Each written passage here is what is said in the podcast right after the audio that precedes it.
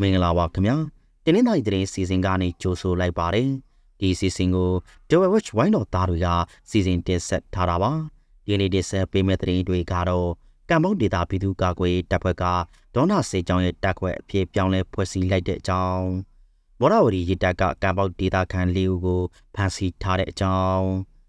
ရှမ်းမြောင်ပိုင်းနတ်ဆန်မြို့ကို TNLA ကလုံးစုသိပ်ပိုက်လိုက်တဲ့သတင်း ရခိုင်ပြည်နယ်တောင်ပိုင်းရှမ်းပြည်မြို့မှာစစ်ကောင်စီတပ်နဲ့ရခိုင်တပ်တော် AA တို့တိုက်ပွဲဖြစ်နေတဲ့အခြေအနေစစ်ကောင်စီတန်ရုံကိုဝင်ငွေခွန်မပေးဘန်ကောက်မြို့ရှိကုလသမဂ္ဂအယုအရှိန်မှာဆန္ဒပြတာထိုက်တောင်ပိုင်းမှာရင်တိုက်မှုဖြစ်လို့ကားပေါ်ပါတရားမဝင်မြမအလို့သမား30ကျော်အဖမ်းခံရတဲ့အကြောင်းပါဝင်ရွှေနဲ့ထိုင်ဘတ်စီအတဲကြအခြေအနေစတဲ့သတင်းတွေကိုနားဆင်ရမှာပါ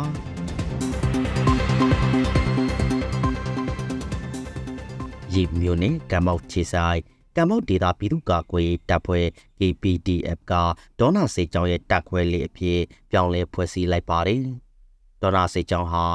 မြို့သားညီညွတ်ရေးအစိုးရတောင်ပိုင်းစစ်ဒေတာစစ်ဒေတာခွဲအမှတ်3ရဲ့တဲကိုကဲမှုအောက်မှာရှိတာပါ။ကမ္ဘောဒေတာပြည်သူ့ကာကွယ်တပ်ဖွဲ့က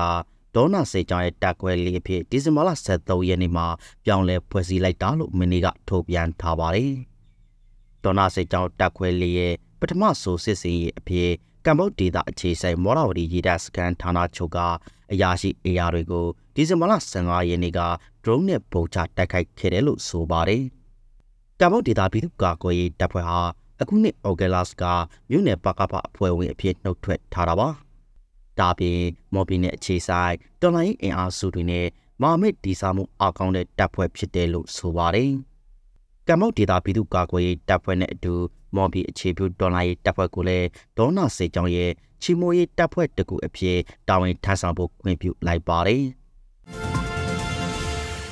ဝရဝရီရေတပ်ဌာနချုပ်ကိုဗုံးချတိုက်ခိုက်အပြီးဒီဇင်ဘာလ19ရက်ညမှာတော့စစ်ကောင်စီရေတပ်ကကံပေါက်ရွာရှိနေသုံးလုံးတမနယ်ကိုဝင်ရောက်ရှာဖွေပြီးဒေသခံအမျိုးသားတအုပ်နဲ့အမျိုးသမီးသုံးကိုဖမ်းဆီးသွားပါတယ်။စစ်ကောင်စီရေတပ်ကလေကုံရန် မက်ဂီရက်ကွက်နဲ့မိချောင်းအဲရက်ကွက်တွေမှာဝင်ရောက်ရှာဖွေစစ်ဆေးပြီးခုလိုဖမ်းဆီးခဲ့တာလို့ဆိုပါတယ်။သူတို့လေးဦးကိုဖမ်းဆီးတဲ့အကြောင်းရင်းနဲ့ထိသိမ်းထားတဲ့နေရာတွေကိုတော့မသိရသေးပါဘူး။ကမ္ဘောဒေတာမှာပောက်ကွဲမှုဖြစ်တိုင်းမော်ရဝတီရေတပ်ကဒေတာခံတွေကိုဖမ်းဆီးစစ်ဆေးလိရှိပါတယ်။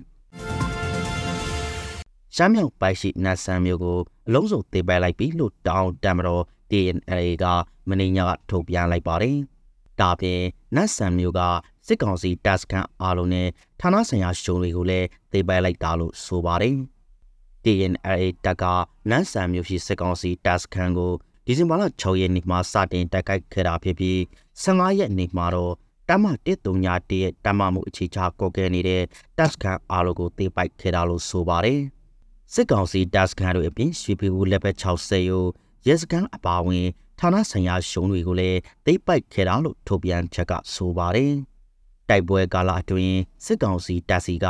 ဟဝစ်စာအမြောက်လေးလဲလက်နက်မျိုးစုံမိုင်းမျိုးစုံခရံမျိုးစုံနဲ့စစ်အုံဆောင်ပစ္စည်းအမြောက်များကိုသိသိနိုင်ခဲ့တယ်လို့ဆိုပါတယ်။ဒါပြင်စစ်ကောင်စီတပ်သားအလောင်း60ကျော်ရှိပြီးစစ်ကောင်စီတပ်သားနဲ့ရဲ40လောက်အပါအဝင်မိသားစုဝင်တွေကိုလည်းဖမ်းမိထားတယ်လို့ဆိုပါတယ်။ စစ်ကောင်စီတပ်စခန်းတွေကိုတက်ခိုက်သိမ်းယူနေခြင်းစစ်ကောင်စီတပ်ကလေကြောင်းနဲ့အခြေပေါင်းများစွာလာရောက်ပစ်ခတ်ခဲ့တယ်လို့ထုတ်ပြန်ချမှဖော်ပြထားပါတယ်။ရခိုင်ပြည်နယ်တောင်ပိုင်းရမ်းမြဲမြို့မှာစစ်ကောင်စီတပ်နဲ့ရခိုင်တပ်တော် AA တို့ဒီနေ့မနေ့ကတိုက်ပွဲဖြစ်ပွားပြီးစစ်ကောင်စီတပ်ကလေကြောင်းကပါပစ်ခတ်နေပါတယ်။ရခိုင်ပြည်နယ်မြောက်ပိုင်းမှာပဲတိုက်ပွဲတွေပြစ်ထန်နေရကတောင်ပိုင်းမြို့နယ်တွေမှာပါဖြစ်ပွားလာတာပါ။ အင်းတိုက်ပွဲကာလတွေတုန်းကရံပြင်းမြို့မှာတိုက်ပွဲဖြစ်ပွားတာမရှိဘဲဒီနေ့မှာတော့မြို့မအစိကြီးနာကတေတောင်ပေါ်မှာတက်ဆွဲထားတဲ့စစ်ကောင်စီတပ်နဲ့အေတို့တိုက်ပွဲဖြစ်ပွားနေတယ်လို့ဆိုပါတယ်။နေ့လယ်ပိုင်းမှာတော့စစ်ကောင်စီဘက်ကလေကြောင်းကပါဖိကန်နေလို့စစ်ကောင်စီတပ်စခန်းတွေနဲ့စစ်သင်္ဘောတွေကလည်းလက်နက်ကြီးတွေနဲ့ဖိကန်နေတယ်လို့ဆိုပါတယ်။စစ်ကောင်စီတန်ရုပ်ကိုဝင်ငွေခွန်မဲ့ပေးအတွက် ဘန်ကောက်မြို့ရှိကုလသမဂ္ဂအယုံရှိမှာမြန်မာအလုပ်သမားတွေမနေ့ကဆန္ဒပြခဲ့ကြပါတယ်။ထိုင်းရောက်မြန်မာအလုပ်သမားတွေဝင်ငွေခွန်နှစ်ရာခိုင်နှုန်းပေးဆောင်ဖို့ဘန်ကောက်မြို့ရှိမြန်မာတန်ရုပ်ကထုတ်ပြန်ခဲ့လို့အခုလိုဆန္ဒပြကြတာပါ။စစစ်ကောင်စီတန်ရုပ်ကလည်းနိုင်ငံကူးလက်မှတ်စာအုပ်လဲလှယ်သူတွေကိုဝင်ငွေခွန်အဖြစ်3လစာပတ်450ကိုဒီဇင်ဘာလ14ရက်နေ့ကစပြီးမဖြစ်မနေပေးဆောင်ခိုင်းနေတာလို့ဆိုပါတယ်။ မြန်မာအလုပ်သမား9တန်းလောက်ရှိတဲ့ထိုင်းနိုင်ငံမှာအခုလိုအခွန်ကောက်ခံတာကအလုပ်သမားတွေအကြတဲတွေးစေတဲ့အပြင်သူတို့ရဲ့ဝင်ငွေအပေါ်ကိုယ်သွေးစုပ်တာလို့အလုပ်သမားတွေကရှုမြင်နေကြပါတယ်။ဒါအပြင်အလုပ်သမားတွေအကူအညီတောက်ခံတဲ့အခြေတွေမှာစစ်ကောင်စီတန်ယုံကလက်လူရှုထားလေးရှိပြီးအခုလိုအခွန်ကောက်ခံတဲ့အပေါ်အလုပ်သမားတွေကမိန်ကွန်းထုံနေကြပါတယ်။ မနေ့ကလိုတဲ့ဆန္ဒပြပွဲမှာမြန်မာအလုပ်သမား900လောက်လာရောက်စုရုံးကြပြီးစစ်ကောင်စီစီအခွန်မပေးစစ်ကောင်စီအဖွဲ့အများဆုံးပြောကြအရေးနဲ့ဒီမိုကရေစီအများဆုံးပြန်လည်ရရှိရေးကိုလည်းကြွေးကြော်ခဲ့ကြပါတယ်။ဒါပြင်ဝင်ငွေခွန်ဆောင်ရမယ့်အရေးခွင့်မဲ့ပြုဖို့ထိုင်းလွှတ်တော်ကိုတင်ပြဖို့လက်မှတ်ထိုးတောင်းဆိုခဲ့ကြတယ်လို့ဆိုပါတယ်။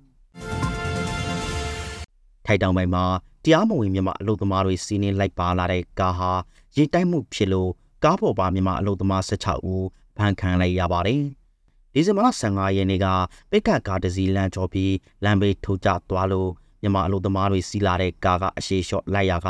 ကိုတင်ကားကနောက်ကဝင်တိုက်ခဲ့တာလို့ဆိုပါတယ်။ကိုတင်ကားနဲ့တိုက်မိပြီးကားပေါ်ပါမြန်မာအလုပ်သမားအားလုံးတန်ရာရှာခဲ့ပြီးမြဲတရားမဝင်လာကြသူတွေဖြစ်လို့နေရတော်တဲ့ကိုထွက်ပြေးခဲ့ကြတယ်လို့ထိုက်သတင်းတွေကဆိုပါတယ်။ကားမောက်တဲ့နေရာကိုရက်တပ်ဖွင့်နေ ကစေးဖွဲ့တွေရောက်လာချိန်စစ်စင်းကံပဲထွက်ပြေးခဲ့ကြလို့လိုက်ဖမ်းခဲ့တာလို့ဆိုပါတယ်။မြန်မာအလုံသမားတွေကိုစုဒဌာနီခရိုင်ကတစင်စောခရာခဲကိုပို့ဆောင်ပေးရမှာဖြစ်တယ်လို့ကာသမားကထွက်ဆိုထားပါတယ်။ဖမ်းမိတဲ့မြန်မာအလုံသမားတွေကိုအေးအေးယူဖို့ရဲစခန်းကိုပို့ဆောင်ထားတယ်လို့ထိုက်သတင်းတွေမှာဖော်ပြထားပါတယ်။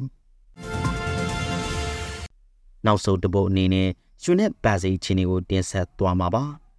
ဒီနေ့မှာတော့ရွှေတခြားသားကိုကြက်တထောင်စေးကြလာပါတယ်။တဝဲစေခွဲမှာအခောက်ရွှေတခြားသားကို36သိန်း9000ကျပ်စေးဖွင့်ထားတာပါ။ထိုင်ပါစီလဲကြာရပြလာပြီးမြန်မာငွေတသိန်းကို1030ဘတ်ပေါက်စေးရှိနေပါတယ်။